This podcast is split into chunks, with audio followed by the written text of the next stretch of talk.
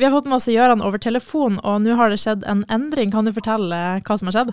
Nei, det er jo rett og slett den uh, velkjente problematikken med at vokalisten i Prodigy har fått en ryggskade som han pådro seg forrige uke. Og så har de jo begynt med å kansellere to jobber i forrige, og så kansellerte de en jobb i Sveits i dag. Og så har det vært det store spørsmålet om han blir frisk til å komme til Bodø og Trondheim. Det blir han ikke. Så dermed så har vi måttet snu oss vanvittig kjapt rundt.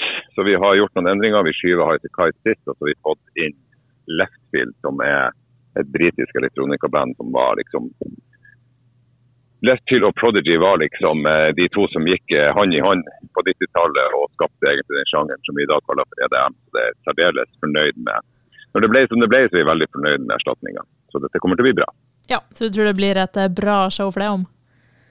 Det kan jeg garantere. De spilte på Glastonbury i år, og det er bare å gå på YouTube og se. Så skjønner du hva de handler om. Det, det, det, er klart ingen, kan, ingen har energien Prodigy. De er jo helt unike. Men det her kommer til å bli veldig veldig kult. Og vi ser jo på responsen at folk er særdeles fornøyd med erstatninga. Så det, det, gleder oss. Ja, Og helt til slutt, da. High Kite, er de klar for å ta over som eh, sistemann ut? Ja da, de har jo nok antageligvis helst ville spille sist hele veien og akseptert at de ikke skulle gjøre det. Så jeg tror de er veldig veldig fornøyd når det først ble som det ble. Så, og det er jo ikke noe, det er jo ingenting annet. Skype, det er jo en særdeles verdig avslutter. Så det kommer til å bli utrolig fint. Yes, supert. Tusen takk. Bare hyggelig.